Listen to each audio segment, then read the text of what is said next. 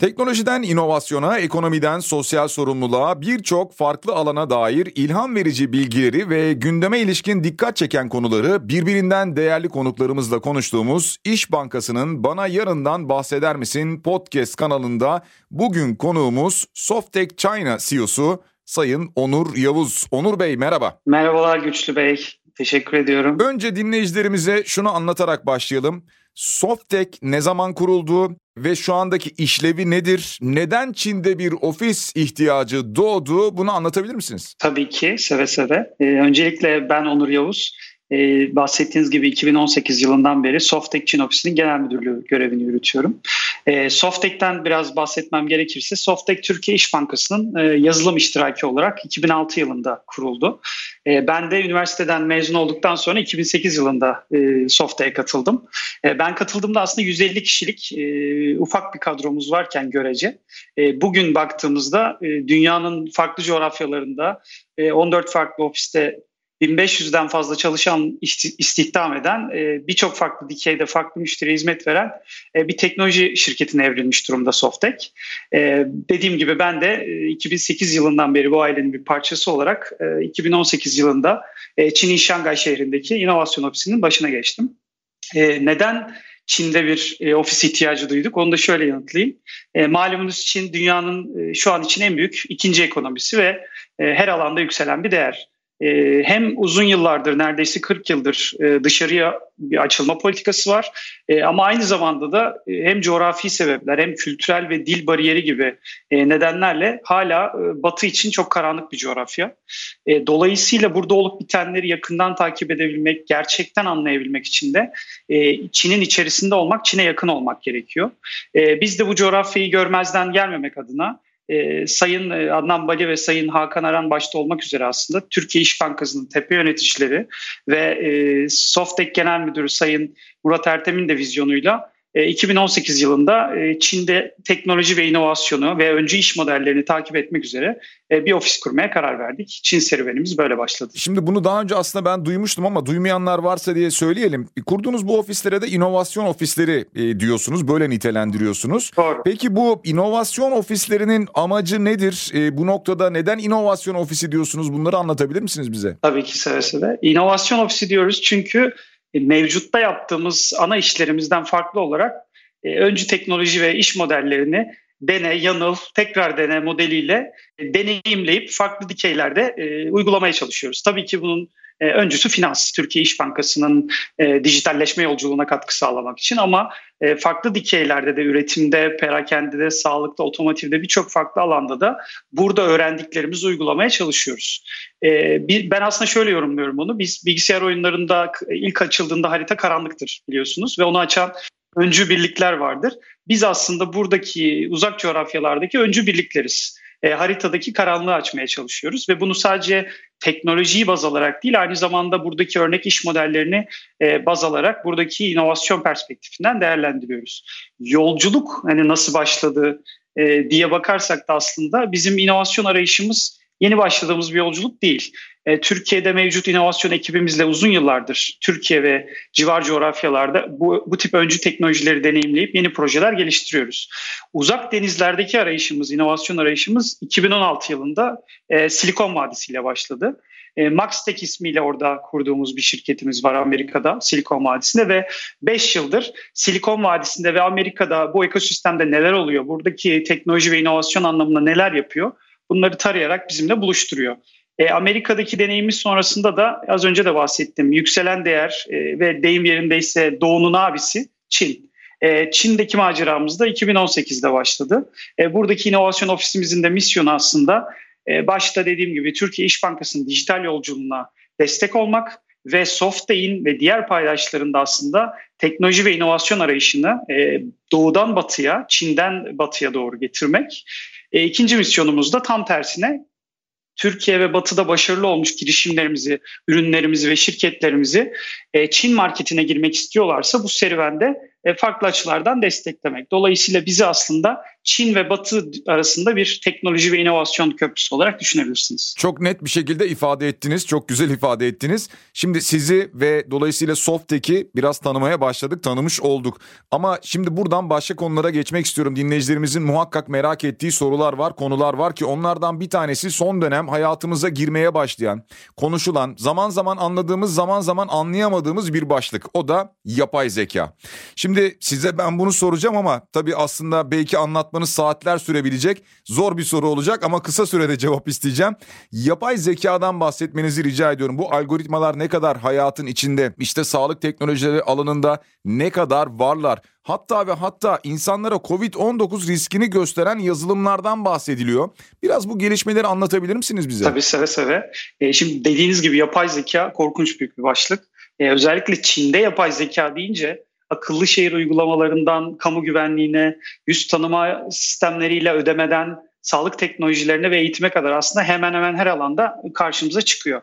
Ee, siz e, daha kısa bir cevap istediğiniz için aslında ve sağlık teknolojileriyle de ilişkilendirdiğiniz için ben yapay zekanın en çarpıcı örnekleri pandemi sırasında ortaya çıktı e, diye düşünüyorum ve buradan birkaç örnek vermek isterim özellikle Çin'den. E, Çin şimdi salgın sırasında vatandaşlarını karantinaya alıp almamayı bunun gerekip gerekmediğini tespit etmek için renkli QR kodları denen bir sistem, e, bir girişim başlattı. Bu renk tabanlı sistem aslında telefonda WeChat ya da Alipay isimli uygulamalarımıza yüklediğimiz, bizi e, seyahat geçmişimizden ödeme bilgilerimize kadar salgından etkilenen bölgede geçirdiğimiz süreden virüsün potansiyel taşıyıcılarıyla aslında ilişkilerimize kadar bu tip faktörlere ve büyük veriye dayanarak bir karar mekanizması sunan ve buna göre de sizin gerçek e, verilerinizle, bilgilerinizle sizi kayıt altına alıp size bir renk kodu sunan aslında bir çözüm. Türkiye'deki HES koduna benzer şekilde. Dolayısıyla burada örnek veriyorum yeşil koda sahip e, vatandaşlar herhangi bir ulaşım kısıtlamasına, herhangi bir herhangi bir kısıtlamaya dahil olmadan rahatlıkla seyahat ederken sarı koda sahipler potansiyel bir virüs taşıyıcısı ya da risk taşıyıcısı, kırmızı koda sahipler de tamamen artık e, seyahat etmesi yasaklanmış ya da e, farklı kısıtlamalara maruz kalması gereken vatandaşlar olarak aslında e, virüsün potansiyel yayılımını engelleyen bir uygulama örneğin. İkinci uygulama e, yine sağlık teknolojilerinden e, devam edeceğim. E, Ali şirketinin çok meşhur Ali Baba'nın e, bilgisayarlı tomografi e, sonuçlarını, görüntülerini 20 saniye gibi çok kısa bir sürede ve %96 doğruluk oranı ile incelediği ve buna göre COVID teşhisi koyup e, aslında doktorlara destek olduğu e, bir yapay zeka algoritması var. E, bu çözüm Çin'deki hastanelerde çok sık kullanıldı ve Çin bunu Ali Baba e, dünyadaki üniversite ve devlet hastanelerinin kullanımı için de altyapı ücretsiz olarak hizmeti açtı. Hatta bildiğim kadarıyla İtalya'da da e, sıklıkla kullanıldı virüsün ilk zamanlarında. E, biz de Softek olarak bu arada çok benzer bir çalışmayı İş Bankası grubunun diğer iştiraki Bayındır Hastanesi ile beraber e, gerçekleştirdik. E, bu hastanelerdeki bilgisayarlı tomografi görüntümünü, görünümünü. Bir diğer örnek SenseTime ve Megvi gibi öncü yapay zeka firmalarının yüz tanıma çözümlerine termal kamera çözümleri ve maske tanıma algoritmaları ekledikleri e, kümülatif e, COVID-19 çözümleri var. Bunlar metrolarda, kamu binalarında, ofislerde, havalimanlarında, hastanelerde birçok alanda kullanılmaya başlandı. E, ana ana mesajı, ana hikayesi şu.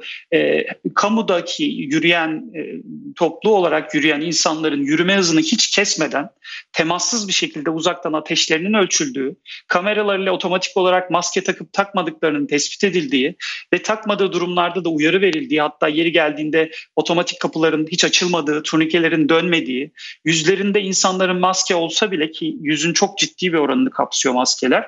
%90 oranında doğrulukla kişinin e, yüz tanımasının gerçekleştirilerek kimlik verilerine ulaşıldığı farklı özellikler içeren çözümler sundular. Yine yapay zeka aracılığıyla. Bunlar şu anda uygulamada var mı? Yani Çin'de uygulanıyor mu şu anda? Hala hala uygulanıyor. E, hala uygulanmakta.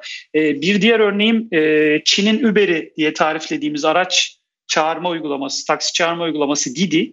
E, Didi yine yapay zeka ve yüz tanıma algoritmalarını kullanarak e, araçları kullanan şoförlerin maske takıp takmadığını tespit edip uyarılar ver, vermeye başladı. Ya da yüz tanıma analizleriyle yine aracı kullanan kişiyle gerçekten o araca kayıtlı şoför olup olmadığını analiz edip e, kimlik doğrulama yapmaya başladılar. Son örneğim de Xiaomi'den. Xiaomi Türkiye'de son zamanlarda çok popüler biliyorsunuz. Xiaomi de burada patentlediği bir akıllı maske ile ve bir mobil uygulama ile solunduğunuz havanın ne derece kirli veya enfekte olduğunu bu akıllı maske ve mobil uygulama üzerinden takip edip sizi uyardığı bir e, çözüm geliştirdi. Bunlar kısaca yapay zeka örnekleri olarak e, verebilirim sağlık teknolojilerinde. Valla Onur Bey siz bunları anlatırken biz burada ağzımız açık bir şekilde dinliyoruz. Baya böyle bir fantastik dünya gibi veya bir geleceğe ait bir filmin içindeymişiz gibi o şekilde ulaştı bana bunun hissi. E, dünya hızla dijitalleşiyor tabii bir yandan. E, özellikle son dönemde bu pandemi döneminde eğitimin, işte online görüşme uygulamalarının hatta tabii doğal olarak alışverişin, e-ticaretin, bankaların hatta ödeme sistemlerinin ciddi bir şekilde ön plana çıktığını gördük. E, dünyada genel eğilim ne yönde? Online servislerde ne gibi uygulamalar ön plana çıkıyor daha çok? Tabii onlardan da biraz bahsedeyim. Şimdi yine Çin özelinden başlarsak e, Çin uzun zamandır zaten dijitalleşme konusunda adımlar atıyordu esasen. QR temelli, QR teknolojisi temelli dijital cüzdanlarla burada nakitsiz bir toplum yarattılar. Hiçbir şekilde nakit ihtiyacı olmadan ödemelerimizi gerçekleştirebiliyoruz hayatın her noktasında. Üretimde otomasyon ve robotik kullanımı, 5G altyapı çalışmalarıyla e, bu dijital aslında dijitalleşme adımlarına birkaç örnek verebilirim.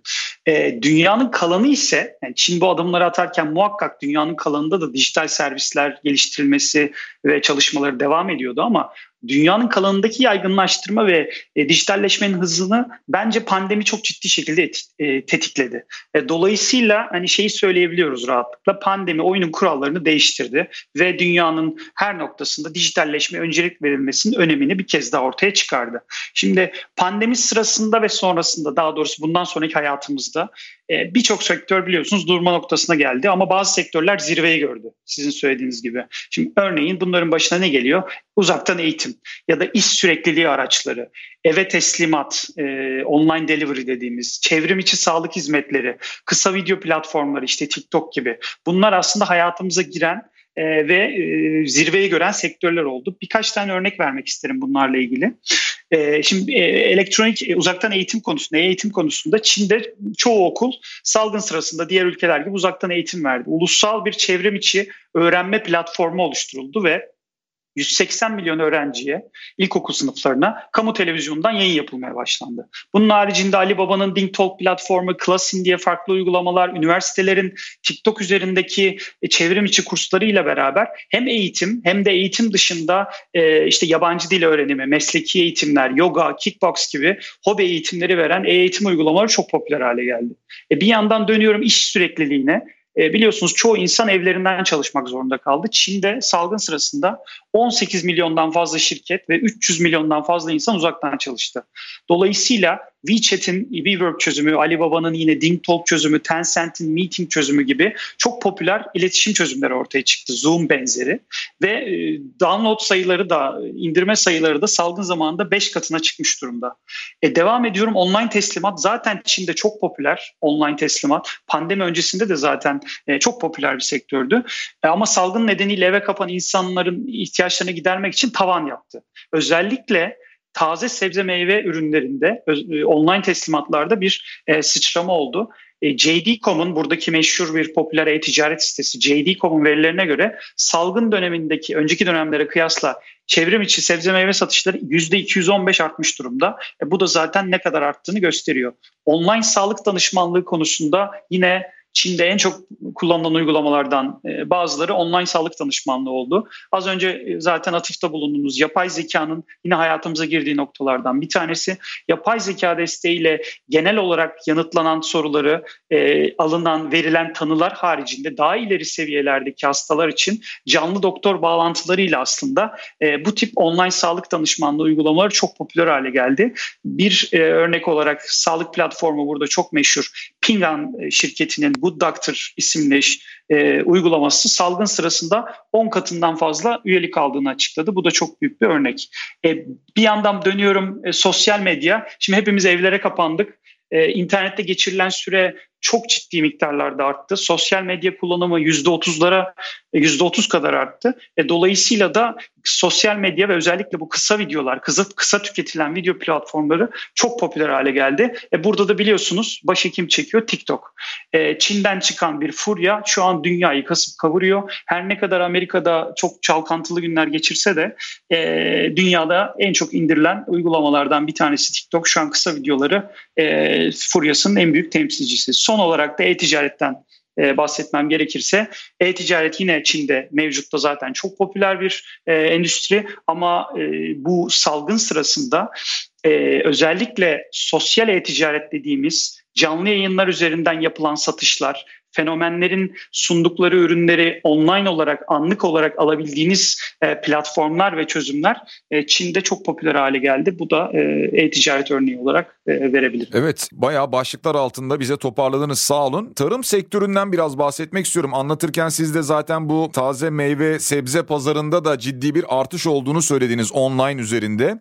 Biz zaman zaman bu programlarımızda bana yarından bahseder misin de tarımdan hatta iklim değişikliğinden bunlardan da bahsediyoruz konuşuyoruz. Peki tarım adına ne düşünüyorsunuz? Dijitalleşme ne noktada şu anda? E, veya çiftçileri desteklemek adına bu alanda neler yapılabilir? Biz aslında bunları Türkiye için konuşuyoruz ama e, Çin'de mesela buna ne gibi destekler verildi, sağlandı?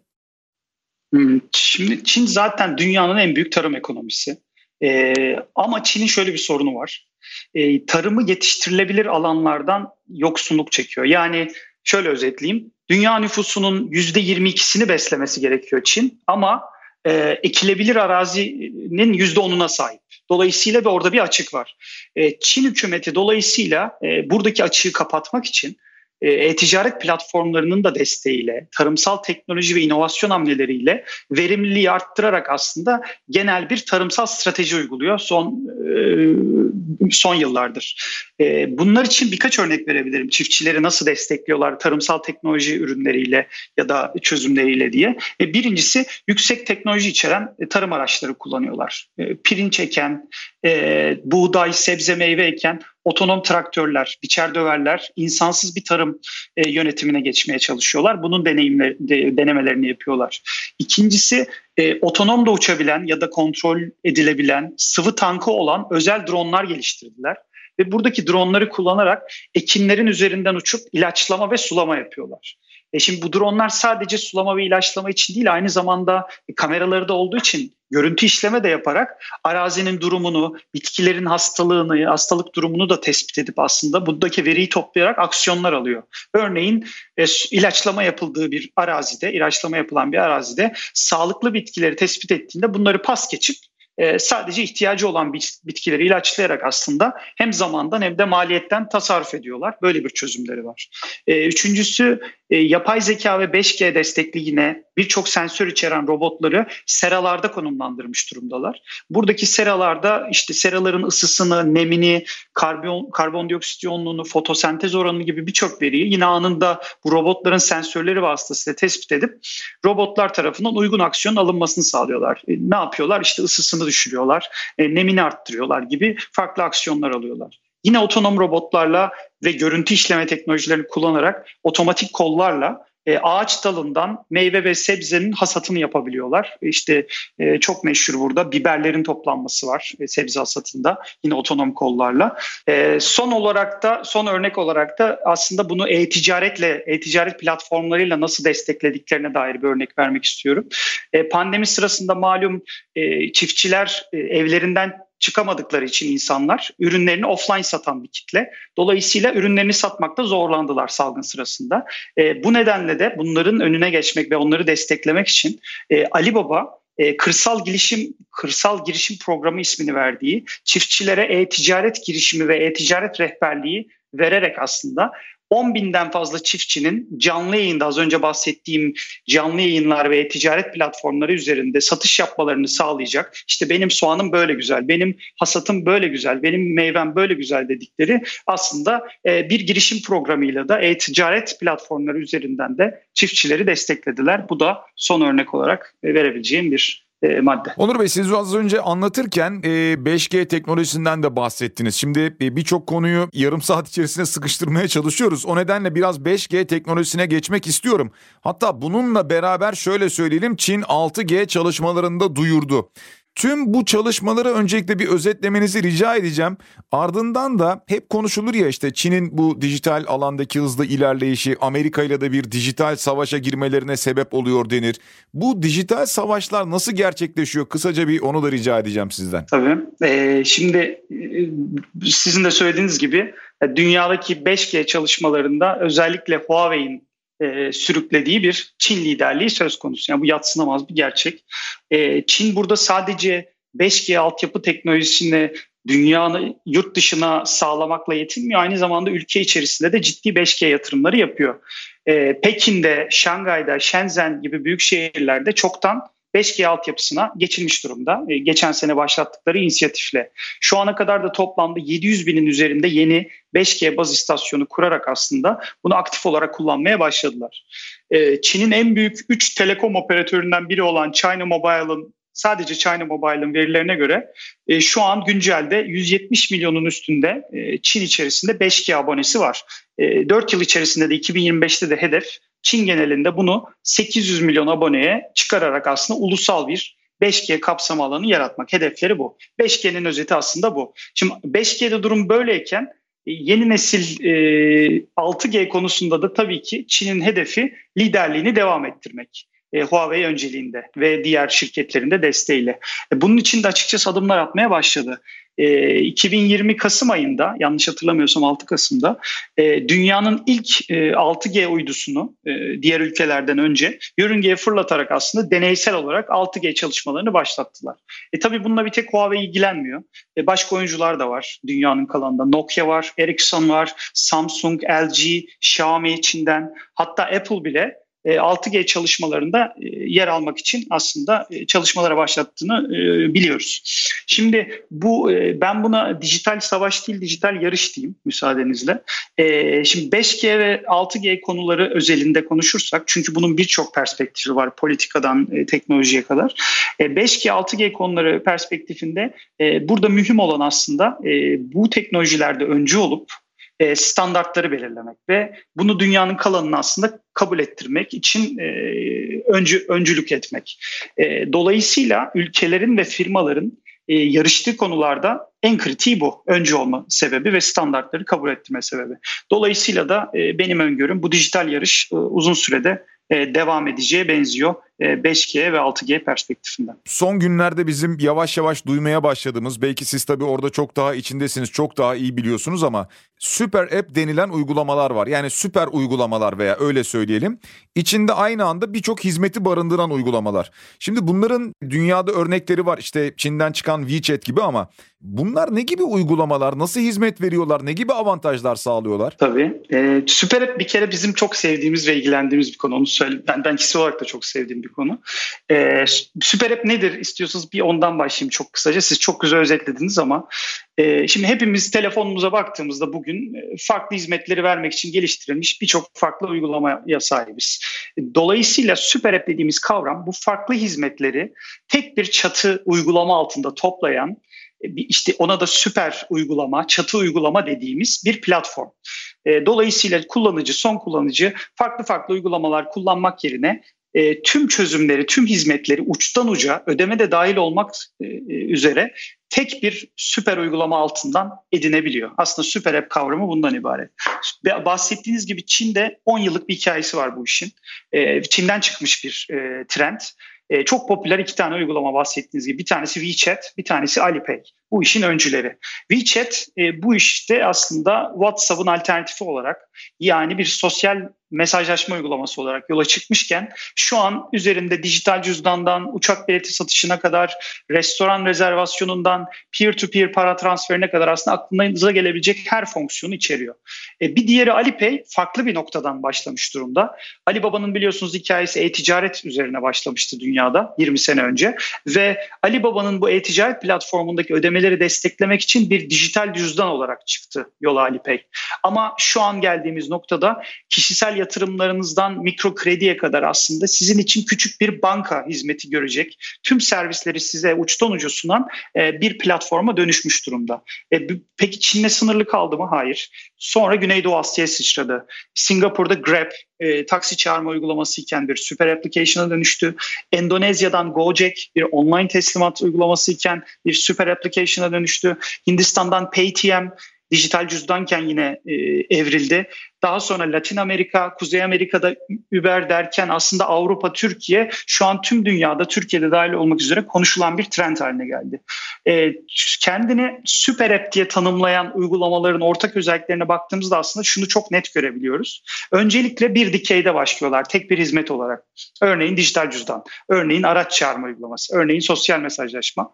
Burada bir kullanıcı kitlesi ediniyorlar ve bu kullanıcı kitlesinin buradaki gücü kullanarak aslında bu kullanıcı kitlesine ek servisler sunar, sunmaya başlıyorlar ve hem servis sağlayıcı tarafında hem de tüketici tarafında, son kullanıcı tarafında artık e, devasa bir ekosisteme, bir platforma dönüşüyorlar. Bunu çok net bir şekilde görebiliyoruz. Bizim de benim de az önce bahsettiğim gibi cümlenin girişinde biz bu konuyu çok ilgiliyiz ve son bir senedir de aslında bir seneye aşkın bir süredir de Süper App konusunda Çin ofisi olarak e, ve Türkiye ofisiyle beraber bazı e, geliştirme çalışmaları da yürütüyoruz. Onu da söylemek isterim. Anlıyoruz ki yakında daha da belki somut ve güzel haberler alacağız gibi görünüyor sizden. Evet. Dijitalleşmeden, işte 5G'den, teknolojiden, bütün bunlardan bahsedince e, aklıma benim bir de online oyun sektörü geliyor. Bu sektörün içerisinde olanlar çok iyi biliyorlar ama bir de bu sektöre uzak olan kesimler var ki onlara şunu anlatabilir miyiz? Ne kadar değerli bir alan şu anda bu e spor takımları oluşmaya başladı e, ciddi ciddi paralar kazanmaya başladılar. Türkiye'de her ne kadar bu boyuta gelmiş olmasa bile dünyada genel katılım nasıldır? Bize biraz örneklerle açıklayabilir misiniz? Tabii seve seve. Şimdi oyun deyince insanların e, şeyi hafif kalıyor gözünde. E, ama dünyada market büyüklüğü e, 1 milyar doların üzerinde olan 500 milyonluk bir izleyici kitlesi olan aslında devasa bir endüstriden bahsediyoruz ve artık bu iş bir oyun olmaktan çıktı bence. E, oyuncular dediğiniz gibi artık oyuncular için bir profesyonel bir iş kolu bu. Profesyonel takımlar var, ligler oluşturuldu, turnuvalar yapılıyor, oyuncular bunlardan para kazanıyor. Teknoloji firmaları, donanım üreticileri, hızlı tüketim markaları hatta bankalar bile reklam ve sponsorluklarla buradaki endüstriyi destekliyor. Yatırımcılar aktif bir şekilde yatırım yapıyor. Dolayısıyla 1 e, milyar doları aşmış devasa bir endüstriden bahsediyoruz. E, biliyorsunuz Türkiye'de de Türkiye'den çıkan ilk unicornumuz da e, gurur duyduğumuz e, Zinga'ya exit yapan Peak Games yine burada gelişen sektörü e, dünyada geldiği yeri ve bizim aslında bizim de ülke olarak burada gayet iyi bir konumda olduğumuzu gösteriyor e, Peak Games örneği de. Peki Çin'de durum nasıl? Ondan biraz bahsedeyim. Çin'de bir kere bir e-spor çılgınlığı var. E, son 10 yılda bakınca verilere kendini 8'e katlamış bir endüstri ve hali hazırdaki tüm global e-spor marketinin %20'sine hükmeder durumda Çin. E, Çin'in içerisinde ise e, çok büyük bir oyuncu var. E, marketin yarısını domine eden e, WeChat'in yaratıcısı Tencent. Hem e, oyunlarıyla hem de oyun endüstrisine yaptığı katkılarla. E, oyuncu sayılarına bakarsak e, 650 milyonu geçmiş bir kitle var Çin'de. Kadın oyuncu sayısı ilginç bir şekilde oransal olarak yüzde 43 e, beklenenin üstünde yani internet oyuncularına bakınca. Dolayısıyla kadınların da çok ilgi gösterdiği bir sektör. Ve e, oyuncuların sadece yüzde 20'si 35 yaşın üzerinde. E, çok önemli bu e, çok büyük bir kitle aslında e, 35 yaş altı Y ve Z jenerasyonunun oluşturduğu bir kitle. E, ama şunu da belirtmeden geçemeyeceğim. E, Çinli otoriteler bu son zamanlardaki e, yaş gruplarının gitgide online oyunlarda düştüğünü, e-sporda düştüğünü görünce 18 e, yaş altındaki oyuncuların aslında video oyunu bağımlılığı e, engellemeye yönelik e, bazı katı düzenlemeler yapmaya başladılar. Dolayısıyla buradaki o noktadaki çılgınlık biraz olsun yavaşlamış durumda. Onu da söylemeden geçemeyeceğim. O çılgınlık biraz yavaşladı ama dijital hız tam gaz devam ediyor şu anda hayatımızda ve öyle şeyler anlattınız ki bize gerçekten az önce söylediğim gibi geleceğin dünyasını şu anda biz yaşıyor gibiyiz hayallerimizdeki dünyayı belki de. E, iyi mi olacak kötü mü olacak o ayrı bir tartışma konusu ama şunu soracağım son olarak. Biraz gelecekten bahsedecek olursak şu anda öyle hızla bir ilerleyiş var ki bu yazılım teknolojileri, yapay zeka, işte 6G çalışmaları ileride bize nasıl bir dünya getirecek sizce? Ee, seve seve. Ee, şimdi yapay zekanın ve yazılım teknolojilerinin bence gelecek yıllarda domine edeceği aşikar. Yani zaten günümüzde de çok yoğun kullanılan teknolojiler. Ee, az önce de bahsettim. Finanstan üretime, parakendeden uzay teknolojilerine kadar aslında her sektörde yapay zekanın örnekleri hala hazırda karşımıza çıkıyor ve çıkmaya da artarak devam edecek. Yüz tanıma sistemleri, ses tanıma sistemleri, biyometri temelli, akıllı şehirler, otonom araçlar, e, üretimde otomasyon, insansız fabrikalar, e, önceden eğitilmiş algoritmaları kullanarak metin ve içerik oluşturabilen GPT-3 gibi e, çığır açan uygulamalar, kuantum bilgisayarlar, son zamanların popüler konusu blockchain, dijital paralar ve bunları destekleyen de 5G gibi altyapılar aslında sıklıkla duyacağımız teknolojiler olarak öne çıkacak. Gelecekte e, bahsettim, sektör örnekleri de verdim. Her sektörün merkezine aslında bu e, yatayda bu teknolojilerin yerleşeceğini düşünüyoruz. Ve e, bu teknolojiler konusunda da yani bu yerle, her sektöre yerleşeceği için var olmak ve söz sahibi olmak artık sadece şirketlerin değil az önce de biraz bahsettik dijital yarıştan e, ülkelerin de aslında canla başla mücadele edeceği ve stratejik olarak da stratejilerini buna göre belirleyeceği alanlar olacak. Bir örnek vermek isterim. E, Çin e, Bilim ve Teknoloji Bakanlığı 2030 yılında yapay zeka alanında küresel liderlik diye bir mottoyla çıktı yola ve bunun için bunun altında bazı inisiyatifler belirler ve her inisiyatifi de e, lead edecek e, özel şirketleri konumlandırıp devlet politikalarıyla da bunların altlarını teşviklerle doldurdu.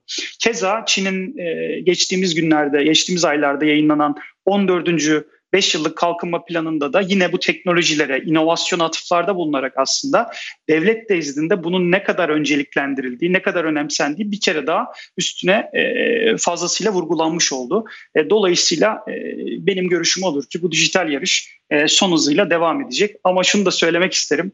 İnsanların çok çekindiği bir konu var yapay zeka deyince. Yapay zeka ve otomasyon işte istihdam sorunu yaratacak mı? İşimizi elimizden alacak mı diye biliyorsunuz endişe duyulan bir konu var. Bu burada biz teknoloji geliştiricileri olarak aslında yapay zekayı insanın yerine değil, insanın yanına konumlandırarak insana daha katma değerli işler yapabilmesi için zaman ve fırsat e, yaratmak e, aslında burada bizim hayal ettiğimiz düzen. Softek olarak da zaten mottomuz bizim hayata zaman yarat diye geçiyor. Ve dolayısıyla biz bu hayalin peşinde bir Türk teknoloji şirketi olarak da hem destekliyoruz hem de e, bir teknoloji şirketi olarak koşuyoruz. Onu da söylemiş olayım. Gerçekten çok aydınlatıcı bilgiler aldık. Hem de Türkiye adına da bizim adımıza da Çin'de de olsa dünyanın dört bir yanıyla ilgilendiğiniz haberlerini de öğrenmiş olduk sizden bu sayede. Çok teşekkür ederiz. Onur Yavuz, Softek China'nın CEO'su konuğumuz oldu sevgili dinleyiciler. Onur Bey sağ olun. Çok teşekkür ederim. Çok sağ olun.